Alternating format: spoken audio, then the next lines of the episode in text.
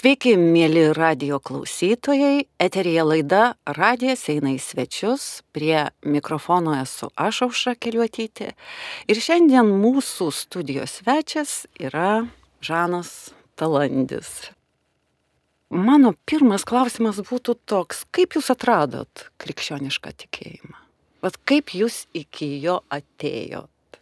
Ar tai buvo nuo vaikystės jums nubrėžtas kelias, ar tai tas kelias buvo vingiuotas, ar e, vienu metu darėt taip, o paskui vėl kitaip. Va šiek tiek, jeigu galima, papasakokite apie tai. Tai taupant klausytojų laiką, tai jeigu tai katalikų radijas daug maž visi žinom giesmę dangaus malonę, mhm. tai ta tokia kelionė buvo kaip tai giesmė. Mane surado į, o surado tai 93 metais Peterburgė kryžių kalėjime. Bet vis tiek galbūt buvo kažkoks asmuo žmogus, kas jūs... Taip, taip. Tai apie tai ir papasakokit. Ta asmenį turbūt turi beveik visi žmonės, tai yra baba tai tie žmonės, kada turi laiko. Mhm. Laiko galbūt ne tiek savo, bet kitam asmenį. Tai nuo vaikystės bėgdavau baimių ištiktas ar kažko tai nuskriaustas visada pas babą. Mama dirbdavo tai. Net ir mamos kažkaip prispaustas kažkokių tai dalykų. Bėgdavau pas babą, paskui milicininkai gaudydavo, bėgdavau pas babą, visada pas mhm. babą. Ir, ir kažkaip buvo tas santykis nu kaip šiandien su Jėzum, kad nebijai ateit prisipažinti, išpažinti ir žinai, kad tavęs nenubaus. Tas vienintelis žmogus, kuris jūs Taip. tikrai mylėjo tą tikrąją besąlyginę meilę, ar ne? Nu, galbūt neturėjo tos besąlyginės meilės, bet turėjo supratimą ir mhm. pasidalinimą ir pabuvimą mano tuometiniam išprotėjime ir kančioje. Gal savo patirtim praeitą galėtų kažką tai save paguost. Nežinau, kas ten pas ją širdį vyko, bet nu, ten gaudavau atliepą, todėl, todėl ten ir bėgdavau. Jo, be abejo. O, o kaip toliau? Va, tai buvo pirmas, sakykime, pirm, pirmoji. Tai toliau ta kelionė su baba ir tęsiasi. Mm -hmm. iki, ir kur jinai jūs... ir kur jinai jūs, per kur jinai jūs pervežė? tai toksai pasauliui pasidariau kietas, kai psalmėje ne, nustačiau veidą kietą kaip titnagas. Mm. Ne, vaikystėje jau norėjosi vis tiek to kietumo, kad skausmas neįeitų į vidų. Bet kai eidavo, bėgdavai pas babą ir tvarkydavai, o po to vis tiek augai 90 tie metai tokie įdomus metai. Mes mhm. Daugumas atsimenam tuos metus ir greičiai tokie didesni, ribų nebuvimas. Tai va kelionės po įvairiausius labirintus tos gyvenimų nuo, nuo įsitvirtinimo kažkokiai kriminaliniai struktūrai, bandymas pamėgdžiot kažką tai, noras turėti pinigų, verslumo kažkokie tai dalykai, ten važinėjimai po, po Maskvą ir, ir kitur. Ir, ir galų gale pakliuvimai į spastus mhm. į tuos. Ir tada jau policija, tada pirmas bausmės atlikimo laikas, dar didesnė mokykla kaip gudraukti ir tampi tokiu, kaip raštas sako, sumaniu galvažudžiu. Jau darai, darai tą nuodėmę įtvirtindamas širdyje ir padengdamas dar teisingumu, nes žiūrėdamas į pasaulį, į pasaulio gal vadovus, valdovus, Lietuvos vadovus, tu matai, tu pažįsti, tu atskiri jų darbus nuo melo, kaip jie reprezentuoja save ir gali paklausti tada, kodėl turėčiau neselgti taip, kodėl turėčiau ja. gyventi kitaip. Mhm. Ir tai kažkaip velnės labai stipriai suvedžioja, apgauna ir tu matai tą tiesą ir pliką tiesą, o kitos tiesos nėra. Taip, čia kaip tame Brechto eilėraštyje, nepaslaptis Martynai šventas, Taip. jog dosnumu garsėjai tu ir savo pusę rūbo švento atidavė žiemos metu vargdieniui gulinčiam ant kruodo. Bet tai padėjo neilgam. Pačia, vat, tame, abu jų šaltis nugalavo. Žuvaitų per dosnumą savo, kas jo neturi, gera tam. Va čia mūsų visa dabartinė filosofija. O kam? man Sibirė taip vienas ir ilgai kalėjęs vyras, kai pamatė, ką aš ten bandau, nu, dabar ten turbūt skaitytus parodė, bet tada man buvo gailestingumo irgi tie darbai mhm. dalintis ten kažkom. Tai. Sako, vokietį, kodėl tu sako, nu rusiškai skamba, neputaisies dėl atčilavėkų harašo, просто не делай ему плохо. tai va taip, žinai, Jo. nu, kažkas atrodo čia 93-4 metai, o dabar viskas tas pats, žinai. Kai kurios tiesos tos irgi nekintamas. Bet tai vis tiek kažkas, e, kaip jūs pats pasakėt, jau buvo tas velnės įsitvirtinęs. Ir kažkas vis tik jūs nuvedė nuo to. Gal ne velnas buvo įsitvirtinęs, gal, gal aš labai troškau būti Arba, jame. jo, arba jūs. Čia, čia gali būti ir tai, be abejo. Nu, Nes neturėjau tikrai kitos alternatyvos, net nenorėjau turėti kitos alternatyvos, nu, norėjusi būti pasaulyje, kvėpuoti su Be pasauliu. be Ir. Ką mes su jumis ryte sakėm, labai sunku, kad nėra taip, kaip aš matau ir manau ir kaip suprojektavau. Jo, Ne, jo, tai gali jo, būti. jo. Šiandieną matau net bažnyčios bendruomenėje ar mano šeimoje ir tai kelia man agresiją, nerimą, jeigu nėra kaip aš noriu. Nors ryte pasimeldžiau tėvę mūsų. Jo. Ir tiesie tavo valia. tai čia tą velnę piešti kaip kažkokį baubą, tai jo pasaulis, jo valdymas, jam duota dabar gale, tai norėjusi būti prie tos galios ir viskas. Prie to, kaip mums atrodo. Kaip jaučiau, kaip mačiau, kaip gyvenau, kaip šalia esantys žmonės gyveno. Tai tik tais iš tos perspektyvos. Taigi aš vėl grįžtu. Ir kas jūs e, nuvedė nuo tos perspektyvos, vat, kas pakeitė? Tai va, kai jau tapau sumanus galva žudys, tada vėl padariau nusikaltimą tik išėjęs ir reikėjo slėptis. Nu ir vėl slėpiaus kur pas babą. O baba tuo metu gyveno Ukrainai. Mhm. Nuvykau į Ukrainą ir prieš metus jam buvo palaidojus sūnų, sūnus Peterburgė gyveno, dirbo. Ne jūsų tėva, ar ne? ne? Ne, ne, tai buvo dėdė mano. Ir aš ten vasarodavau Peterburgė, kurį laiką buvau gyvenęs. Ir kažkaip tai babai ten vienas, nu toksai Mhm. labai įtakingas žmogus, kurį gerbiau, profesorius toksai Borisas Ivanovičius, pasakė ten keletą tokių elementų, kaip jisai negalėjo žūti ir, ir kaip buvo ten tam tikri faktoriai. Tai aš kažkaip ramybės lyg tai buvau neradęs, ten aiškintis bandžiau, bet paskui alkoholio dėka ten kitais vaigalais labai nusiramini ir pasaulis vėl įsuka. Bet gyvendamas Ukrainai, baba vis atsikeldavo naktį ir verkdavo. Aš sakau, kas tau yra, žinai, gal gėdė ar kas. Sako, sapnuoju, kad sunaus kaulus šunis tampo ir prašo, kad surinkčiau. Sako, gal nuvažiuotum ten tą sklypą parduotum, ten už Peterburgo biškį ir, ir pažiūrėtum, nes gaisravietė buvo sausis, kai, kai jį rado ten palaik. Tai aš nuvažiavau vasarą, susitikau dar su kai kuriais žmonėm, draugais ir ten tokių visokių variacijų ten. Nu, pistoletas užtrauktas, kas nebūdinga jam buvo, jis tvarkingas karininkas buvo ir medikas ir, nu, negali, jeigu kažko tai nelaukia, ar, ar jeigu būtų žudęsis, tai būtų kulka likus galvoje. Ar...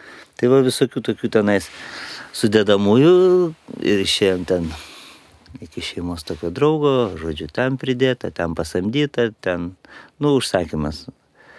Tai kažkaip tai greitai suskambinau namo, ten radau iš tikrųjų palaikų, surinkau tos likusius kaulus, pelinus ir mamai paskambinau, sakau, kol, kol neatsiskaitysiu su Mišeliu, negryšiu, žodžiu. Ir, ir vėl buvo reikalinga bendruomenė, reikalingi buvo žmonės, kurie žino Peterburgą, kurie turi ginklų, kurie plėšikauja, taip toliau, taip toliau.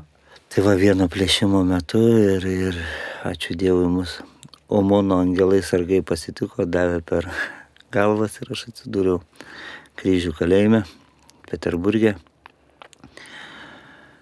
Ir po kiek tai mėnesių, nepamenu tiksliai, pusmečio gal laikotarpėje, atvažiuoja kas? Mano baba. atvažiuoja aiškinti santykių, kaip jos pati geriausia anūka. Jis sakydavo, pirmas anūkas kaip pirmas sunus. Kaip čia neteisėtai sulaikė ir dar tokius kaltinimus pateikė ginkluotas plėšimas, tai jai neįtikėtinai žino mane gerą. Tai jai buvo be galo sudėtinga tą priimti. Tada ekonomika Ukrainai buvo, aš nežinau, kiek mėnesių jie pensijos nebuvo gavę, ar metus su virš nebuvo gavus. Aš nežinau, iš kur jinai gavo net pinigų pasiskolint. Jinai atvyko, jin pardavė tą sklypą, jin norėjo pasamdyti advokatus, kad tik įrodyt, kad aš esu geras, kad aš nesu toksai, koks apie mane šneka ir kurie bando mane nutemti. Tai žodžiu, per pirmą pasimatymą aš nuėjau, po kurio aš nebenorėjau neįeiti pasimatymus nieko. Aš supratau, kad tada toj vietoje įsižadėjau visiškai tiesos ir, ir primelavau tam, kuris dar taip manim tikėjo, žinai, ir va tokia gauti sąžinę sąskaitą per langelį buvo be galo sudėtinga net įgudusiam galvažudžiui, žinai. Mm. tai, tai viešpats mane visada per babą ir, ir toliau prasidėjo babos teologija. Tai parėjau į kamerą, išardžiau ten siuntinį, radau arbatos pakelį laišką ir buvo parašyta pasimelsk tėvę mūsų.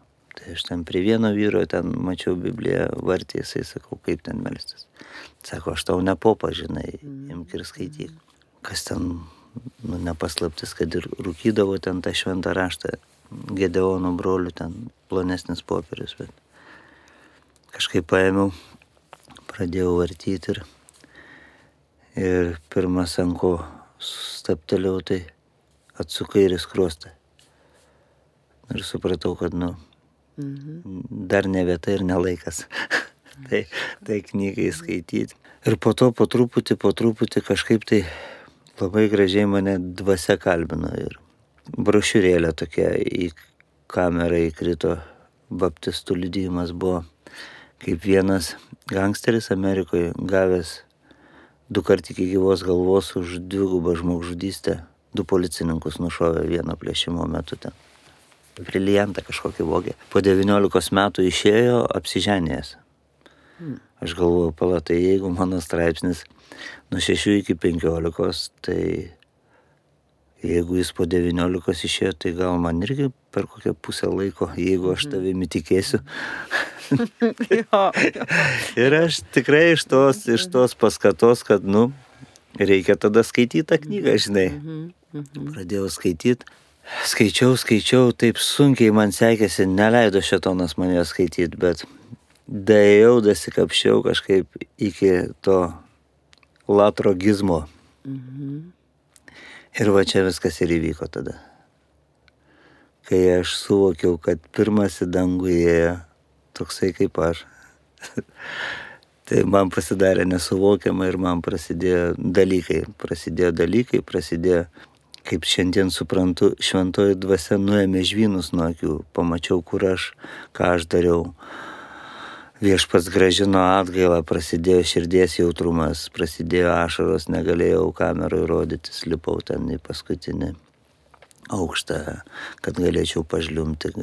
Prasidėjo rašymai, bet ko popieriaus nebuvo ten ant cigarečių pakelį. Nebuvo su kuo nedalintis tų dalykų. Ir visą tai kažkaip reikėjo išsakyti. Tai vat, rašliava labai padėjo. Labai mhm. daug rašiau, daug rašiau. Skaičiau, rašiau, verkiau, skaičiau, rašiau, verkiau. Tai va taip ir tęsiasi. Tie dalykai toksai tas buvo mūsų susitikimas. Iki teismo. Prieš teismą supratau, kad turiu sakyti tiesą, vad dvasia ragino sakyti tiesą. Nesakysi tiesos, nieko nebus. O kaip sakyti tiesą? Bendrininko motina pasamdė iš Peterburgo penketuko geriausią advokatą Tai reiškia, kai jau byla pralošta, o toksai prašymas viešpatės, kad nu bent pusę to laiko, nu, nu aštuonis kokius mhm. metus. Mhm. Metai, aštuoni mėnesiai buvo jau atbūta ir nu, kūnas labai bijojo. Tai va, keturias paras atsimenu be miego turbūt. Vyrai jau sako, tu padėk tą knygą, parūkyk žolės normaliai, sako, tu durnas paliksi, jau tau čia, nu, nesveiki dalykai, taip nieks teismui nesirašė, žinai. Ir kai nuvežė į teismą, advokatė atėjo valdišką prisistatęs, sako, aš jūs ginsiu. Sakau, nereikia, sakau, man Dievas, žinai, advokatas ir teisėjas. Jinai sako, atsiprašau, o jūs pats teismui tą galėsit pasakyti. Sakau, gerai. Tai va per teismą pasakiau, kad nesutinku su sudėtim, kad advokatę paleistų. Ir, ir kai pasakiau, kad Dievas man teisėjas advokatas, tada teisėjas pavaduotojas atsistojo ir sako, kai žmogų užmušinėjai, kur Dievas buvo. Mhm. Ir tada va, pirmą kartą taip fiziškai pajutau, ką reiškia vėl velnio įtaka, žinai, kada jauti, kai tavo gomurys užspaustas, tave smaugia, kai tu negali oro įkvėpti, kai tu negali realiai pasakyti žodžio ir kas per kovą. Ir, ir tada atsimenu, viešpats kažkaip pagelbė, sakau, nepažinojau dar tada ją. Mhm. Tai va, tai tada va, tie realūs tokie išpažinimai ir atliepas, kaip stebuklas man bausmės žmogus, kurio vos neužmušau, kurį mačiau per teismą trečią kartą, tai nusikaltimų metu, atpažinimo metu ir teisme pats prisistatė kaip buvęs komjaunimo sekretorius ir prašė mane paleisti, nes jeigu aš būdamas toksai baisus dar atliksiu bausmę jų kalėjimuose, tai sako, aš nežinau, kas ten iš jo visai bus. Mm. Ir tada ištiko mane Dievo gailestingumas, kaip dabar suprantu. Ir, ir tokia baime, toks sutriškinimas viso manęs to, kas buvo sukurta pragaro per tiek metų, tai viešpatės gailestingumas per tą vyrą, kuris man atleido, žinai. Nu, aš tokios baimės, tokios panekos, tokio pažeminimo aš nebuvau niekada išgyvenęs. Galvoju, kas tu toks, ne aš tau pinigų daviau, ne aš tavęs gazdinau, ne aš tau pažadus kažkokius ruošiau, ne advokatus siunčiau. Kas tu toks, kad tu man atleistum? Kas tu esi? Aš nepažinau jame viešpatės malonės, bet man buvo baisu nuo to žmogiško santykio, kas čia vyksta, aš, aš nekontroliavau, aš žinau, ką aš turiu dėl Dievo padaryti. Aš turėjau prašymą, ką Dievas dėl manęs turėtų padaryti. Bet kad įvyks tame tarpe Dievo gailestingumas ir manęs visiškas nuplovimas, dabar galiu apie tai kalbėti 30 metų praėjus, kai tu tos įvykius esi ištyręs, ištyrinėjęs. Bet tada buvo kažkas baisaus, tai buvo prašymas, kad kuo greičiau iš teismo salės išvestų ir tu negalėtum girdėti, matyti tos situacijos, kad tai kai baisus košmaras pasibaigtų, tas Dievo gailestingumas nes tu stovi tavo ašaros, byra, tavo kūnas dreba, tu visiškai neįgalus, tu nežinai, kas vyksta. Jie dabar tyčiosis kaip per spektaklį ar juoksis iš tavęs. Tu nežinai scenarijaus, tu neprognozuoji ir tai baisu be galo. Ir tik mintis, kad tik iš čia dengti. Ir buvo paskelbta pertrauka, po pertraukos prokurorė tapo mano advokatė ir ten nugesino ten jo advokatus ir pasakė, tiek tas žinojo, ką daro, tiek tas. Tik tik bausmės laikas sutrumpėjo iki keturių metų ir man paprašė keturių metų ir juos paliko. Tai buvo beveik pusė jau atbūta. Tai. Ir toksai ir fizinis tas stebuklas įvyko. Tai gerai, o tada kada išėjot, koks jūsų kelias? Nes tai irgi yra sudėtinga. Tai išėjau, aš galbūt išėjau iš kryžių kalėjimo, mane į Vybargą išsiuntė, Vybargė ten dar Dievas davė tokį žmogų seną zeką, kuris sako, jeigu tu tą knygutę skaitai, tai tu prašykis į Sibirą, žinai. Sako, ten vis tiek miškas, sako, taiga, sako, uogos, grybai, sako, pinigų neuždirbsi, bet, nu, turėsi gerą laiką su ta knyga, sako, nes narkotikų nevartoji, alkoholio nevartoji, sako, o čia, čia bėda, sako, šia čia, periferijoje. Tai. Sakau, tai kaip į tą Sibirą, sako, pasakyk, ką moki pjaut mišką, žinai. Nu, ir aš primelavau, kad aš pjūklininkas ten savo, savo dasie. Ir jo atvažiavo pirkliai mane nupirko ir išvežė į Arhangelsko sritį. Ir, ir ten atsidūrėm 36 metų lagerį. Tai taip, ūkiško muilo gabaliukas ant keturių savaitėjai. Nu ir tas toksai priverstinis neturtas, labai gerai parodė, kiek mano kūnas net būnant mieste kalėjime jis yra išlepintas, kaip jisai cypia dėl menkiausio dalyko. Ir, nu, tie du metai tenais, tai davė tokį, nu, labai labai gražų dalyką. Turėjau gerą laiką skaitimai, maldai, stiprėjimui ir, ir buvau savęs įsivaizdavęs jau vos ne Serafimas Arovskis, žinai. Gyvenau net taigoj, ten vandens kelimo stoteliai vienas įsivaizduoju, ten, nu, pasaka jau. Tokios užeidavo gražios svajonės mintis ir Ir sakau, viešpatie, man jau toj laisvė, išbandyk tu mane. Ir ateina komendantas, labai greitai, sako, žinai, Vokietija, aš tau vokytką suradau. Sakau, kaip suprast? Nuo Stalino laikų, sakau, sako, ne, ne, mergina, sako, 24 metų. Sako, Vilnius yra miestas, sakau, yra. Sako, jin buvo ištikėjus už karininko išsiskyrę. O pas mane vandens kelimo statelė buvo tas telefonas be numerių. Mhm. Sako, instaty dirba. Mhm. Jis tik išėjo, aš iškart ėmiau už to ragelio skambint pasiteisinimą širdžiai, mhm. kad labai norėjau lietuviško balso išgirsti. Mhm. Su tuo lietuvišku balsu atėjo ir, ir pasimatymas, ko neįmanoma. Nu, ten sumokėjau karininkam, ten šiaurinę valinę tokią siūdavau, tai prisižadėjau, daviau, pasėmiau alkoholio, greitai pasėmiau hašišo, su draugu atsidūrėm toj stotį ir vėl atgal į pragarą savo norų, išskėstom rankom, į glėbį. Nesvarbu, kad tas karininkas ar kitas būtų nušovęs, dar būtų premijos gavęs, įsivaizduoju, ar atostogų. Visiškai, visiškai. Ir aš supratau, po keturių dienų tokio gyvenimo, aš žiūriu, šventas raštas numestas. Mano rašliavos tos, kur buvo prirašytos, aš nežinau, kiek ten aukštų, labai daug, keturis metus rašiau. Mm. Įsivaizduodamas, kaip viskas vyksta, patirdamas Dievo malonę, matydamas ženklus. Užkūriau tokią plytą, ta buvo, kur valgyt gali įsivirti, viską sukišau. Pamenu, pasėmiau popieriaus lapą ir man tik tais ta rusiškos dainos tekstas tas, kakim tu был, takim tu jas talsas. Sėdžiu, žliumbiu, rašau mamai laišką. Mama atleisk, sakau, negryšiu, turiu vykti vienuolyną Zelenagorskė, nes buvau pakeliui sutikęs vieną vienuolį, sako, neskubėk į laisvę. Rekomenduočiau vienuolynę pabūti metus laiko bent. Sakau, mamit, negryžtų, nepyksiu, kokia kuprinė išėjau su tokia tebės. Ir tada gaunu iš motinos laišką, negryši pasikarsiu. tai va, kelionė į laisvę mano tokia. Taip, vienu žodžiu, nebuvo tas kelias toks tiesus.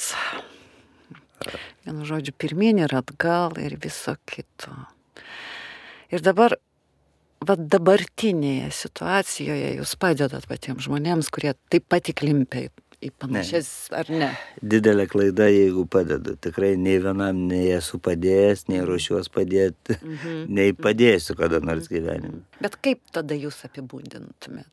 Gal daugų daugiausia galiu pasidalinti, kuo turiu. Tai savo pastogę, savo maistu ir dar su tam tikrom sąlygom. Jeigu kartu eisim, darysim, judėsim mhm. pagal savo galimybės ir kursim toliau, ką mes esame pašaukti. Mhm. O padėti ne, padėti tik tais jisai vienas, vienintelis. Pats savo tik tai gali, ar ne? Ne, gali tik tais Jėzus padėti, daugiau niekas. Mm. Niekas. Tai man Bet... kažkada, žinok, padėjo labai Žano Vanie žodžiai. Mm. Čia ne iš savo galvelės, aš jau toks protingas. Jisai kažkada dvasiniam lyderiam ir dvasininkam vedė vieną konferenciją, man labai įstrigo tas jo pastebėjimas. Sako, kada mes sakome žmogui, kad galime tau padėti, sako, labai toli jį nuvedami klaidą, užstodami Kristų. Ir tai va, tai jis man tokį saugiklę, ačiū Dievui už jį, žinai, labai gerą parodė. Čia vėlgi, vat, ką ir pradžioje kalbėjom, ta painiava prasideda, nes tikrai žmonės labai mėgsta prisimti tą misija, kad aš tau padedu, aš tau dovanoju, taip toliau. Aš. Aš. Nu, mes tai sukurti darau. pagal jo paveikslą ir panašumą, tai turim tas savybės. Gal dieviškasis. Ir kartais, žinai, kaip vaikai būna jau tėvų, Jo. tėvų padėti. Norim iki jo, iki jo kažkokiu būdu, nes bent jau kažkiek prisilies susitapatinti, ar ne? Tai gerai, bet dabar dar yra viena problema, pavyzdžiui, vat, kada yra žmonės, kurie turi tas priklausomybės, vis tik yra šeima, jis turi tėvą, mamą, arba turi vaikus, arba žmoną. Kaip tiems aplinkiniams gyventi? Bet kaip jums atrodo, bet jūs, kuris perėjęs va šitos dalykus, irgi žino tuos dalykus. Ką jūs galėtumėt pasakyti? Nu, rakštė subiniai, žinai. tokie Tai aišku. Nu, aš absoliučiai su jumis sutinku, bet ką daryti? Ką daryt? Jo. Atsimeni tas, kur lakstė po kapus, vartė ant kapius, rėkavo, gazdindavo visus, ne? Mhm. Paskui sako, Jėzau, aš su tavim galiu. Sako, ne, ne. Grįžk namo, ne, ir pasirodyk. Kiek kartų sakė, eikite pas kunigus, paukokite auką ir pasirodykite. Ne? Tas, kuris yra visų atmestas, ne? dažniausiai giminė ir šeimoje, jeigu susitinka su Jėzum, tampa tos giminės ar šeimos kertiniu akmeniu. Tik kas ar Jeigu- be nori jeigu- statyti ant to kertinio akmens, va čia klausimas, kur jį tokį dėti, ar bažnyčiai, ar bendruomeniai, ar visuomeniai, kur jį tokį dėti, iš kur žinot, ar tikrai įvyko kienosis, ar stebuklas įvykęs. Gal, ne? gal pakankinkim, patyrinėkim, kaip raštas sako. Nes aš manau, kad taip, jūs daugeliu atveju jis tarsi ištraukia tą visą dirbtinumą. Be abejo, jis prakalbina Tai va šeimą. Taip, bet yra kitas dalykas vaikai. Pavyzdžiui, aš kiek vat, yra tekę ir matyti, ir girdėti, tai šiuo atveju tai yra baisu. Man, pavyzdžiui, kada aš matau juos, kada jie taip neteisingai yra, man bent jau atrodo, kad neteisingai mindomi. Gerai. Tavai tada pažiūrim kitaip. Mhm. Gerai, Gerai žiūrim. Buvo pas jūs toksai Dievo vyras, Vincelis. Mhm.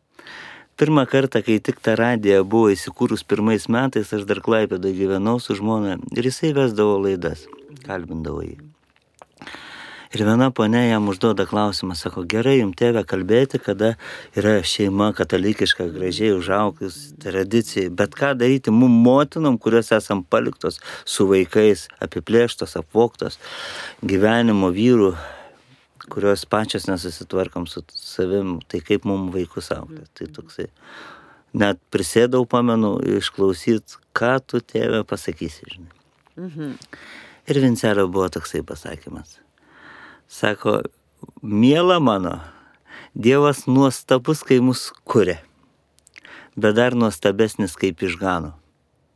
Šiandieną tau galėčiau parodyti, žinai, daugumą Afrikos ten scenų, kada bėga vaikas be kojos ir dar ratą suka ir šypsosi ir juokiasi. E, Galiu parodyti e, Lietuvos vaikus, e, kurie yra socialiuose šeimuose ir nugvelbia, ką nors dalinasi tarpusavyje. Bet čia, bet čia, vat ir yra. Pavyzdžiui, Komunija. kaip ir tam, tam uh, uh, yra taip. Pagrindinės vertybės, aš tau galiu pasakyti, toj bendruomeniai, asocialioj, krikščioniškos vertybės daugiau dominuoja.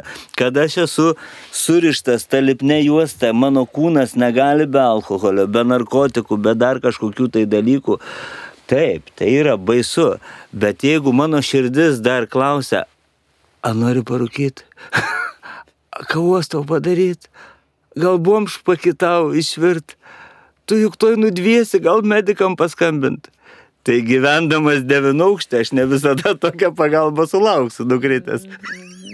tai žinai, čia klausimas, ar reikėtų to bijot, kas mus gazdina, ar reikėtų bijot tos vidinės smarvės, kuri mane pūdo iš vidaus, mano egoizmas.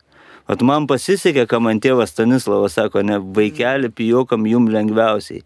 klynas už lapo galva nulinko. Baisesnės lygos už puikybę nėra. Tai va, žinai, kada aš smirdžiu, aš žinau, kada smirdžiu. Bet Pranciškus sėdėjo ne keulių garde ir po to ėjo pas popiežių su broliais, nesigėdindamas, kad jisai smirdi. Nes kitaip negali būti, jisai keulių garde buvo. Va. O čia, žinai, labai šudinai jaučiuos, bet vis tiek pasikvepinsiu, gal kas nors neužuos. Visuomenė nesupras, kad man blogai. Tai man to nereikia. Jo. Bet dabar vat kaip pas jūs, kada atvyksta žmonės, jie vis tiek atvyksta vis tik ieškodami pagalbos. Kaip nebūtų gaila. Ja. Kaip nebūtų gaila ar, ar džiaugsminga. Džiaugsmo tai nekelia. Bet jie atvyksta. Taip. Norit jūs ar to nenorit. Ir pavadinkim, kokia pirma taisyklė. Bet jeigu tu nori, pasakykim, mhm. jūs neuždarot jam durų, jeigu žmogus beldžiasi pas jūs bet vis tik kažkokia taisyk, taisyklė jūs vadovaujatės. Visas buketas taisyklių. Tai va, bet jas ir išvardinkit. ne, tai yra namų tvarkos laikymasis kiek įmanoma. Nu, nes jeigu viską pagal taisyklę žinai, tai nei manęs tose namuose nebūtų. Bet kiekvienam pagal išgalės, nu taisyklės mes pasirašom todėl, kad žinotume, ką šiandien padariau ne taip. Mhm. Aš padariau ne taip, ne tu, bet aš. Ne. Ir kada vyresnysis ateitų, paklaustų Žanai, kas, kas įvyko, kodėl ten tas, kad galėčiau tikrai sakyti, o kas čia tokio, ne? Tai vad, kad to nebūtų kas čia tokio, yra surašyta, kaip mes turim gyventi čia, bet kaip mums sekasi, tai visai kitas reikalas. Mhm. Bet taisyklės man kad aš matyčiau, ant kiek mano galva dirba, ant kiek nedirba, ant kiek aš noriu keistis, ant kiek nenoriu keistis. Ir toliau vienas iš punktų pagrindinių dienotvarkė, ne? kad grįžčiau į tą ritmą, pagal kurį turėtų funkcionuoti žmogus. Ir kokia jie?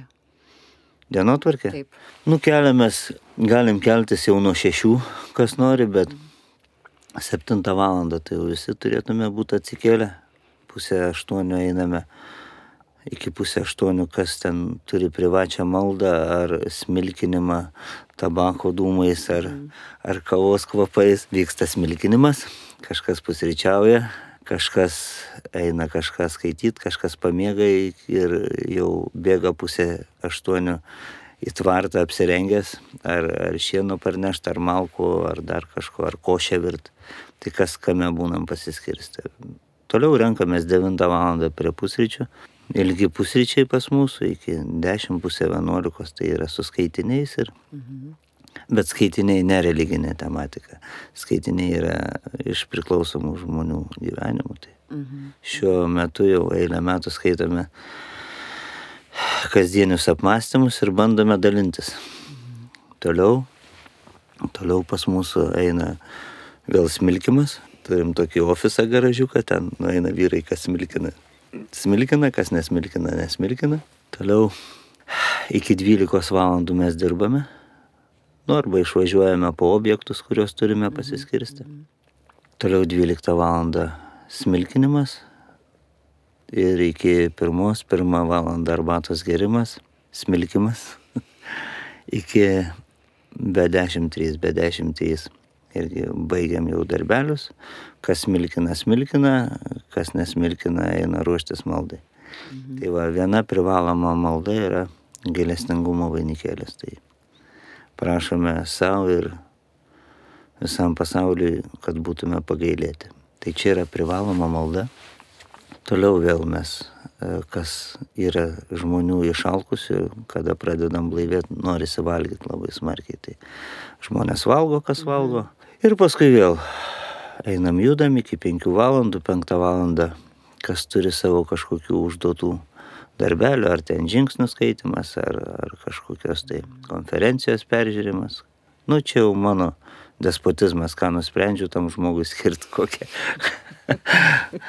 čia jau jūs sprendžiate. Jo, jo, čia ištyri, ištyrimui, kad, nu, jeigu atvažiavai tu tvarkytis vienoje ar kitoje srityje, tai aš po mėnesio laiko ar po nu, trijų mėnesių laikotarpį jau duodu kažką tai, kas galėtų padėti. surasti tą, kuris gali padėti. Tai va, tai tokie dalykai. Ir paskui vakare mes 7 val. vėl einam gyvulius apsitvarkom, kas ten reikalinga, pasirašėm kitai dienai. Ir ilga vakarienė. Tai va taip tęsiasi mūsų diena. Tų smilkimų yra padaryta specialiai tiek, mhm. kad mūsų diena nesigautų švituoklės. Kad pastoviai atsimušam, kas dvi valandas, kas valandą mhm. mes atsimušam, ne? Mhm, mhm. Ir gaunasi ta nuostabi giesmė, kur Jurijus Nikulinas atsiminė dainavo. Mhm. Pakai iš jo nepozna, nams dėlai testanovku. Tai va čia tuo principu, žinai, yra viskas pastatyta, kad, kad nu, neįsišvituotume, nes tada Jo, prasideda jo, jo. ūkiniai reikalai, darbai, paskui socialiniai reikalai, bažnytiniai reikalai ir žiūri tik, hop, persiverčiau ir vėl tam pačiam taške. O kaip čia atsitiko? O va taip atsitiko. Čia vėlgi labai lengva vėl, mm, atrodo, vis, vis, visas gyvenimas kaip tas ant to slidaus ledo. Taip, nu benediktinai arba- turi orę atlaborę, tai mes alkoholikai, narkomanai turim kitą, žinai, kaip ir maldą, žinai, tą mirštančio alkoholiko malda, ta nuoširdžiausia, ta Dieve, Dieve, Dieve, Dieve, Dieve, Dieve, Dieve, Dieve, Dieve, Dieve, Dieve. Aš vadinu alkoholiko rožinis. Ir ten trys keiksmažodžiai, jeigu nenudvėsiu, Dieve, Dieve, Dieve, Dieve, niekada nebegersiu. Nu taip nuoširdu, pats kiek kartų esu meldęsis, įsivaizduoju. Taip. Gerai, kadangi mūsų laida jau eina į pabaigą, tai Žanai, pabaigai pasakykit, kas vis tik jūsų gyvenime yra reikšmingiausia. Reikšmingiausia, žinok, ką gavau iš pat pradžio. Stovėti jo akivaizdoj tiesoje, kad gaučiau meilę savo ir galėčiau kitiems sakyti, nebijokit, jis pasigailės iš tiesų.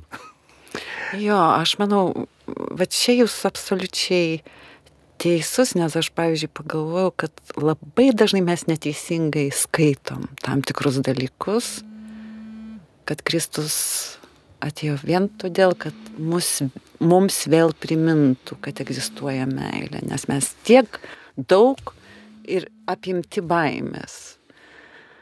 Taigi paskutinis jūsų linkėjimas. Nebijokit. Ačiū, Žanai. Taigi aš su jumis atsisveikinu, mėly radio klausytojai. Prie mikrofono buvau aš, Aušra Keliuotytė. Iki. Sudiev. Sudė.